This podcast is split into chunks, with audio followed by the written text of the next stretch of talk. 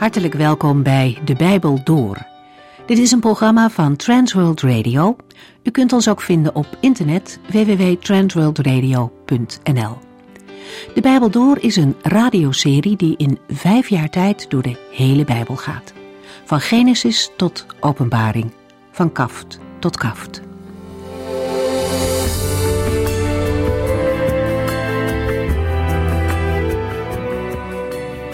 We lezen vandaag weer verder uit Efeziërs hoofdstuk 4. De vorige keer begonnen we met iets te zeggen over geestelijke groei. Het is namelijk niet de bedoeling dat we als christenen kinderen blijven in het geloof. De Heere heeft gaven uitgedeeld in de gemeente, zodat we elkaar kunnen opbouwen. Met als gevolg dat we samen groeien naar een volwassen geloof. En Paulus geeft het belang daarvan aan. Wanneer gelovigen in een kinderlijk geloof blijven steken, dan zijn ze kwetsbaar. En maar al te makkelijk kunnen allerlei gedachten en redeneringen hen dan beïnvloeden en op een zijspoor brengen. De Bijbel roept ons op om de waarheid van Christus vast te houden en steeds meer naar Hem toe te groeien. En daarmee nemen we als christenen een ander standpunt in dan wat om ons heen gangbaar is. Het vasthouden van die ene waarheid betekent dat andere overtuigingen niet tegelijkertijd ook waar kunnen zijn. Paul staan voor één waarheid, voor één weg die naar God leidt, is niet populair. Maar wanneer we terugdenken aan wat de Heer Jezus voor ons gedaan heeft, aan het grote offer dat de Vader bracht toen Hij zijn enige zoon naar de wereld zond om gedood te worden, dan weten we toch dat geloven niet vrijblijvend is. God zegt dat mensen voor eeuwig verloren gaan als ze niet in zijn zoon geloven. En dan kunnen wij het toch niet maken om tegen mensen te zeggen: Ik geloof dit, maar ja, voel jij je vrij om er anders over te denken? De Bijbel is hier heel eerlijk in. Christenen krijgen niet de belofte van populariteit in de wereld. Integendeel. Onbegrip en zelfs haat is vaak de reactie op het evangelie. Misschien wel des te meer vanwege de exclusiviteit. Paulus geeft aan dat mensen zonder God in wezen verblind zijn. Hij pakt hiermee de draad van het begin van zijn betoog weer op. Hun ogen zijn gesloten voor de werkelijkheid van God. Ze willen niets van God weten en begrijpen. En Paulus roept de gemeente op om niet op dezelfde manier te leven, maar als nieuwe mensen in Christus verder te gaan. En over dat onderwerp gaat Corveda nu verder.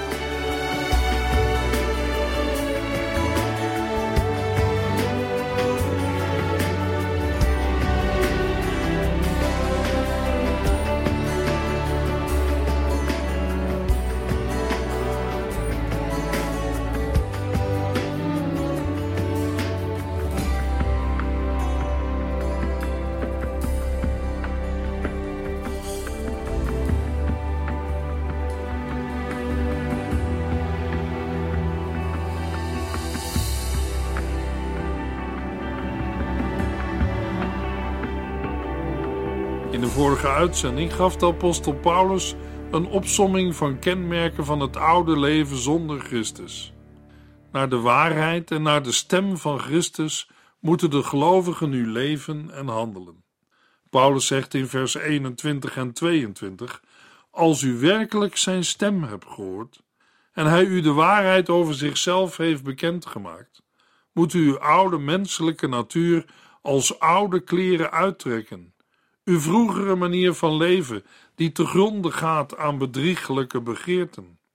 Wat de waarheid in Jezus Christus inhoudt en wat daarvan de consequenties zijn, omschrijft Paulus in de versen 22 tot en met 24. De apostel doet dat met behulp van drie werkwoorden. In vers 22 begint Paulus met uittrekken, van zich afleggen, wegdoen. Het heeft de betekenis van het uittrekken van oude kleren. Het is een beeld van de oude mens, in dit vers voorgesteld als oude kleren. Paulus denkt daarbij concreet aan de heidense manier van leven, waaraan zijn lezers zich tot voor kort nog schuldig maakten. In vers 22 typeert Paulus de vroegere levenswandel met de woorden: Uw vroegere manier van leven die te gronde gaat aan bedrieglijke begeerten. Over deze bedriegelijke begeerten schrijft Jacobus in Jacobus 1, vers 14 en 15. Het zijn uw eigen slechte verlangens die u in verleiding brengen. De slechte verlangens waar u aan toegeeft, brengen u tot zonde. En als de zonde volgroeid is, brengt die de dood voort. In 2 Petrus 1, vers 4 tot en met 9 schrijft de apostel Petrus: Hij, Christus, heeft ons geweldig grote en waardevolle beloften gedaan. Hij redt ons van de begeerten en het verderf om ons heen en geeft ons deel aan zijn eigen wezen. Maar daarvoor hebt u meer nodig dan vertrouwen alleen. U moet ook uw best doen om goed te zijn, en zelfs dat is niet genoeg. U moet God beter leren kennen en weten wat Hij wil. Leer uw eigen verlangens opzij te zetten en geduldig vol te houden, zodat u God kunt dienen. Dan bent u klaar om een vriend te zijn voor uw medechristenen en om alle mensen lief te hebben. Als u deze eigenschappen in overvloed bezit, zullen ze werkzaam en vruchtbaar zijn om de Heer Jezus Christus steeds beter te leren kennen. Maar als geen van die eigenschappen bij u aanwezig is, bent u blind en kortzichtig, dan bent u vergeten dat God u van uw oude, zondige leven heeft bevrijd. De christenen in Efeze, iedere gelovige in Christus, moet zijn of haar oude menselijke natuur als oude kleren uittrekken. Met die vroegere manier van leven, zonder Christus, richten zij zichzelf te gronden, zoals dat nu nog steeds opgaat voor de ongelovigen in hun omgeving. Maar gelovigen hebben deze vroegere manier van leven opgegeven. Het bedrog van de duivel, de wereld en hun eigen zondige hart heeft plaats gemaakt voor de waarheid van Christus. Daarmee verwijst Paulus ook naar het gebeuren van hun doop. Toen is hun oude mens met Christus gekruisigd. We hebben in Romeinen 6, vers 3 tot en met 7 gelezen. Weet u niet dat ieder die in Christus Jezus gedoopt is, met hem één is geworden in zijn dood? Die doop in hem was onze begrafenis. En zoals Christus weer levend is gemaakt door de heerlijke macht van de Vader, zo mogen wij nu ook een heel nieuw leven leiden. We zijn dus één geworden met Hem, één in dood en leven.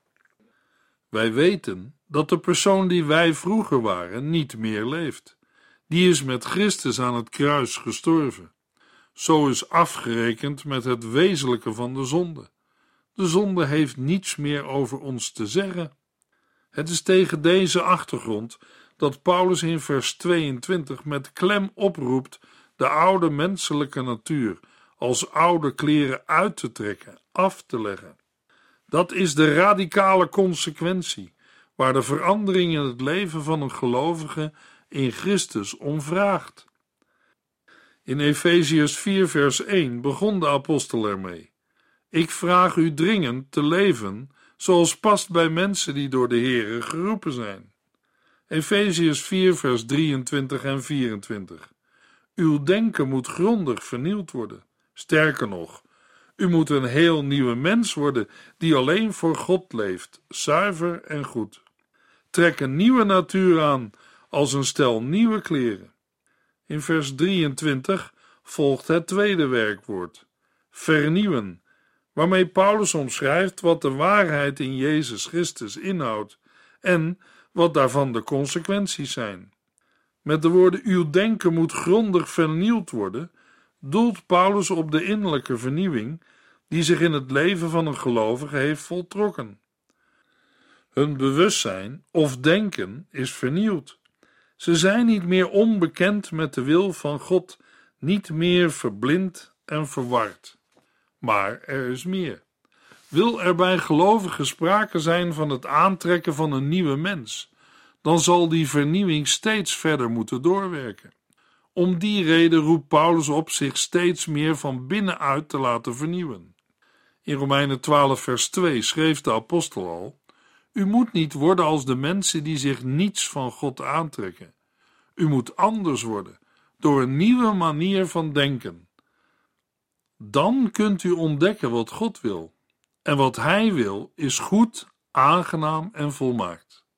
Waaruit die vernieuwing van het bewustzijn of denken bestaat, geeft Paulus aan met de woorden in de geest. De toevoeging is te vinden in de Griekse tekst van Efeziërs 4, vers 23 en in andere Nederlandse vertalingen. Het denken van een gelovige verloopt in een heel andere geest dan voor hun doop. Dit vernieuwde denken heeft de Heere bewerkt door de werking van de Heilige Geest. De gelovigen hebben nu de verantwoordelijkheid om ervoor te waken dat dit zo blijft. Met het oog op de waarheid dat de oude mens met Christus gekruisigd is, moeten we die oude mens afleggen in de kracht van de Heilige Geest. Dat betekent niet dat de oude natuur in dit leven is geëlimineerd. We raken de oude natuur in het menselijke bestaan hier op aarde niet kwijt. Maar een gelovige moet de oude mens niet toestaan de kop op te steken. Hem niet voeden met dingen die de Heere niet wil. Daarom roept Paulus in vers 24 op: trek een nieuwe natuur aan als een stel nieuwe kleren.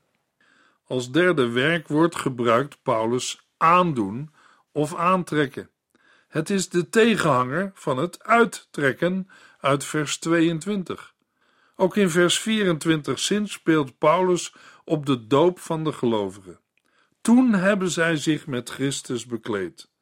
We lazen in Gelaten 3 vers 27 Door de doop in Christus bent u één met hem geworden. U bent als het ware omhuld door hem. Zo kan een gelovige een nieuwe natuur aantrekken. En uit Colossense 3 weten wij dat dit ook een geestelijk groeiproces is. Paulus schrijft in Colossense 3 vers 10: Maar nu bent u een nieuwe mens, die nog steeds groeit en God beter leert kennen. Zo zult u meer en meer gaan lijken op God, die u gemaakt heeft. Deze hele nieuwe manier van leven geeft Paulus in vers 24 aan met de woorden: Nu bent u een nieuwe mens. Dat is het tegenovergestelde van de oude menselijke natuur uit vers 22. Bij de woorden nieuwe mens zal Paulus zeker hebben gedacht aan Genesis 1, vers 27. God schiep de mens als zijn evenbeeld. Als man en vrouw schiep hij hen. In Colossense 3 lazen we net: Zo zult u meer en meer gaan lijken op God die u gemaakt heeft. Bij deze dingen mogen we ook betrekken wat de apostel op andere plaatsen in de Bijbel schrijft over het zijn van een nieuwe schepping in Christus. Het zijn van een nieuwe schepping in Christus komt met name tot uitdrukking in twee kwaliteiten, die nauw met elkaar samenhangen. Paulus noemt zuiver en goed, of gerechtigheid en heiligheid. Hij schrijft erover in Titus 1, vers 8. Gelovigen moeten al het goede lief hebben en verstandig en eerlijk leven, bovendien geestelijk en sober. Als ergens uit blijkt dat de gelovigen in Christus zijn, dan wel daaruit dat zij zuiver en goed of rechtvaardig en heilig zijn. Dat is geen kwestie van schone schijn, maar van echt zijn. Het staat tegenover de vroegere manier van leven, die te gronde gaat aan bedriegelijke begeerten, uit vers 22. Het leven van een gelovige moet in overeenstemming zijn met onze hoge positie in Christus, passend bij mensen die door de Here geroepen zijn. Efeziërs 4, vers 25 tot en met 27. Houd op met liegen. Vertel elkaar de waarheid, want wij horen bij elkaar en zijn delen van hetzelfde lichaam. Als u kwaad bent, laat dan geen wrok in uw hart opkomen, want dan zondigt u.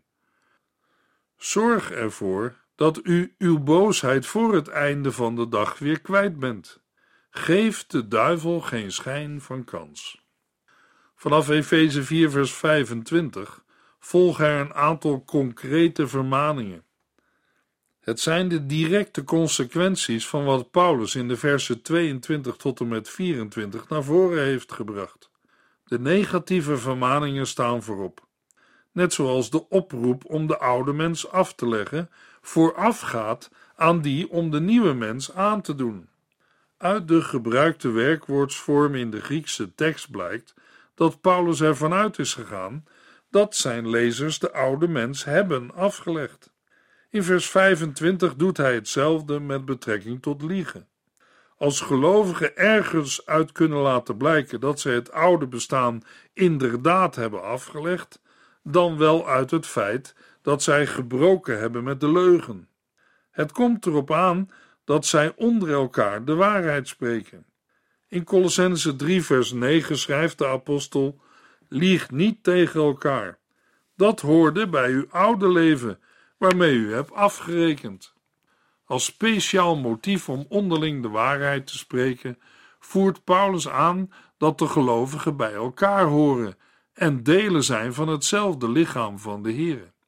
Als zij tegen elkaar onwaarheid zouden spreken, zou dat de eenheid aantasten.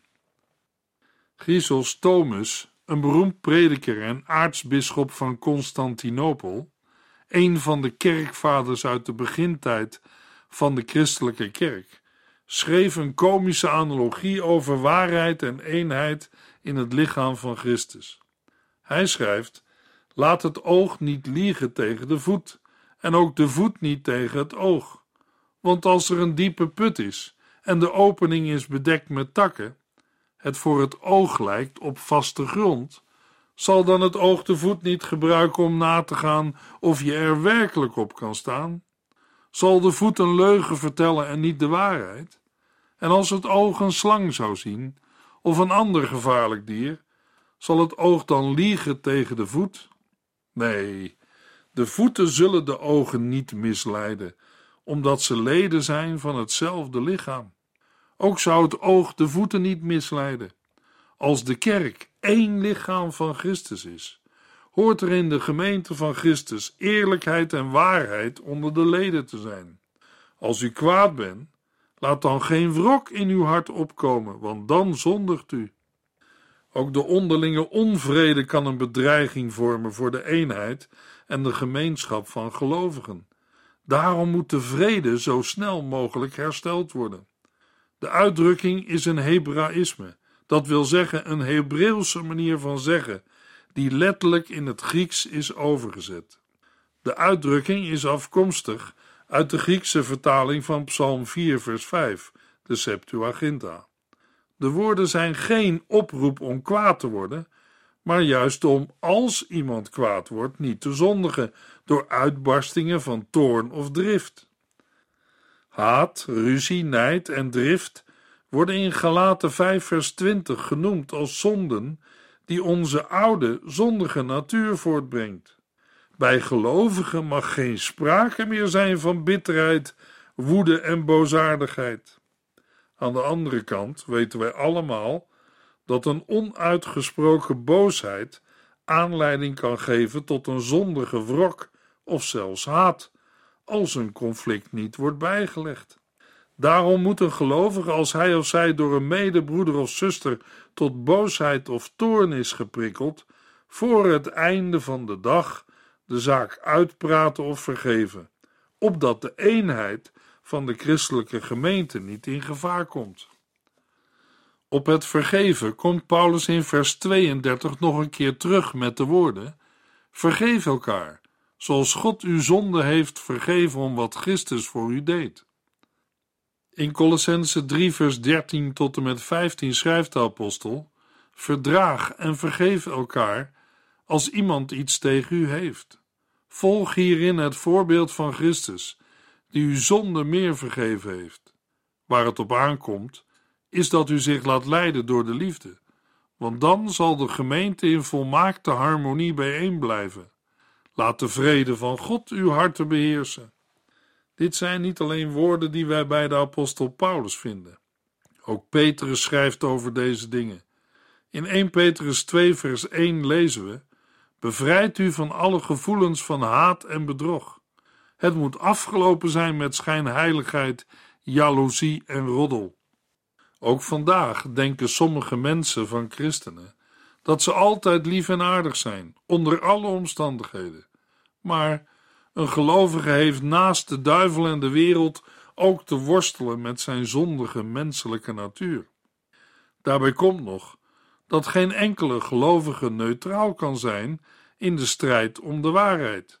Zij horen leugens, roddel en kletsen te haten, zeker onder elkaar. Als het verkeerde is rechtgezet, hoort er geen vijandschap meer te zijn. In Efeziërs 4, vers 27 noemt Paulus nog een reden waarom een gelovige niet lang boos moet blijven. Hij schrijft: Geef de duivel geen schijn van kans. Met andere woorden, wie zijn verontwaardiging koestert, speelt daarmee de duivel in de kaart. Zo iemand geeft Satan een prachtkans om van die boosheid misbruik te maken en de eenheid in de christelijke gemeente af te breken. Gelovigen zijn mensen die in beginsel aan de macht van de duivel zijn ontrukt. Zij mogen Satan geen enkele ruimte meer geven. Zij moeten zich juist tegen hem bewapenen en uit alle macht weerstaan. Paulus gebruikt voor duivel het Griekse woord diabolos. Letterlijk betekent dat tussenwerpen. Steeds weer probeert Satan gelovigen te laten vallen door hen met aanklachten en beschuldigingen om te gooien en uit evenwicht te brengen. Efeziërs 4, vers 28 en 29. Wie een dief is, moet ophouden met stelen. Steek liever uw handen uit de mouwen en verdien eerlijk uw eigen brood. Dan kunt u nog eens iemand helpen die gebrek heeft. Laat er ook geen vuile taal uit uw mond komen. Dat doet alleen maar kwaad. Zeg op het juiste moment het juiste woord. Iets dat de mensen helpt en goed doet, zodat ze genade ontvangen. Bij het afleggen van de oude menselijke natuur hoort ook stelen.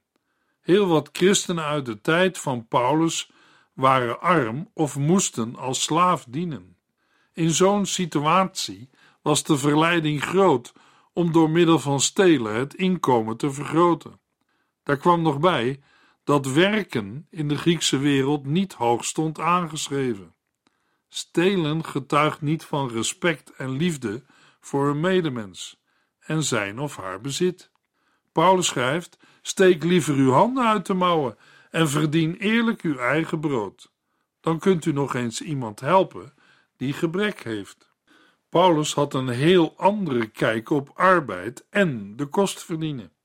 Uit handelingen en zijn eigen brieven blijkt dat de apostel vaak niet wilde dat anderen hem zouden onderhouden, ook al had hij daar als apostel wel recht op. Paulus roept in vers 28 dieven op niet langer te stelen, maar voortaan hard te werken. Voor de woorden steek de handen uit de mouwen staat in de Griekse tekst een woord dat eigenlijk zwoegen betekent. Een mens moet zich inspannen om op een eerlijke manier zijn eigen brood te verdienen. Dan is er vaak niet alleen genoeg voor zichzelf, maar kan hij of zij, naar draagkracht, ook nog eens iemand anders helpen die gebrek heeft. Juist dit laatste is een bewijs van een veranderde gezindheid en bevordert de onderlinge eenheid. In 1 Johannes 3, vers 17 en 18 lezen we als iemand genoeg heeft om van te leven en ziet dat zijn broeder of zuster gebrek lijdt, maar zich verhardt en hem niet helpt, hoe kan Gods liefde dan in hem blijven? Vrienden, wij moeten ophouden te zeggen dat we van elkaar houden. Wij moeten echt van elkaar houden en het uit onze daden laten blijken. In vers 29 wijst de apostel de gelovigen erop dat ze ook op hun woorden moeten letten. Geregeld horen zij anderen vuile taal uitslaan en gebruiken. Vuile taal is de vertaling van een Grieks woord dat verrot en bedorven betekent. Toen de christenen in Efeze nog ongelovigen waren, deden ze daar dapper aan mee. Vuile taal is daarom zo verwerpelijk, omdat ze kwaad sticht Zulke taal komt niet uit een rein en zuiver hart en doet een ander alleen maar kwaad en pijn. Waar de ander wel mee gediend wordt, is een goed woord. Dat bouwt op en bemoedigt. want door de goede woorden zal de ander Gods genade ervaren. Een gelovige mag van het leven genieten en plezier hebben. Ook humor heeft daarin een plaats. Maar onze humor hoort niet vuil of smerig te zijn. Efeziërs 4, vers 30. Doe de Heilige Geest geen verdriet. Hij staat immers borg voor u tot de dag van de volle bevrijding komt. Tussen vers 29 en 30 bestaat een duidelijk verband. Het uitslaan van vuile taal sticht niet alleen kwaad, het is ook een belediging van de Heilige Geest. Vuile taal breekt het samenleven binnen de gemeente af, en dat is beledigend voor de Heilige Geest. Door de Heilige Geest zijn de gelovigen herkenbaar als kinderen van God. Door de Heilige Geest zijn zij zeker van het uiteindelijke heil, dat eens hun deel zal worden op de dag dat Christus terugkomt. Dan zullen de gelovigen de volledige verlossing ontvangen. Van die toekomst is de Heilige Geest de waarborg, het onderpand. Efeziërs 4, vers 31 en 32. Doe alle wrok, woede en haat uit uw leven weg.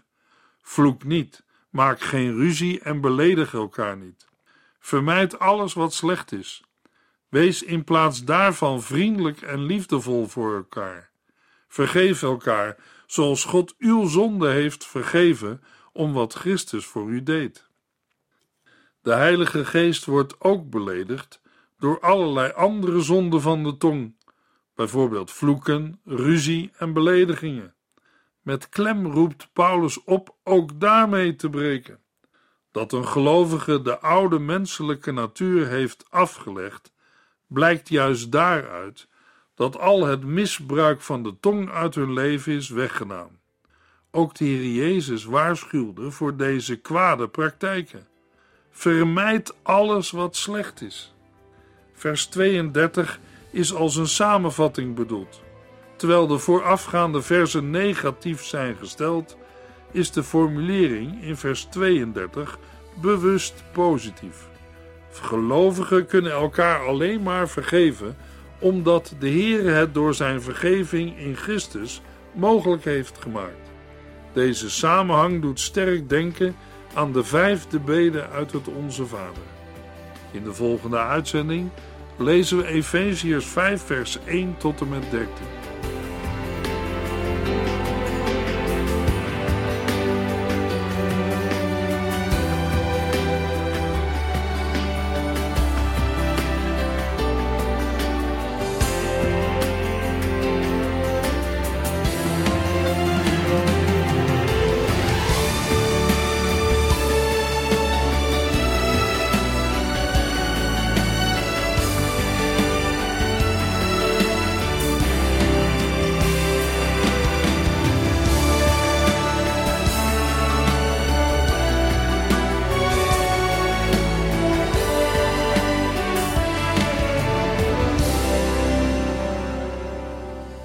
Eindigt deze aflevering van De Bijbel Door. Een serie programma's van Transworld Radio. Wilt u ons iets vragen of meer weten? Dan kunt u altijd contact met ons opnemen. Bellen kan overdag met 0342 478432. Per post Transworld Radio. Postbus 371. Postcode 3770. Anton Johannes in Barneveld. En e-mailen kan ook.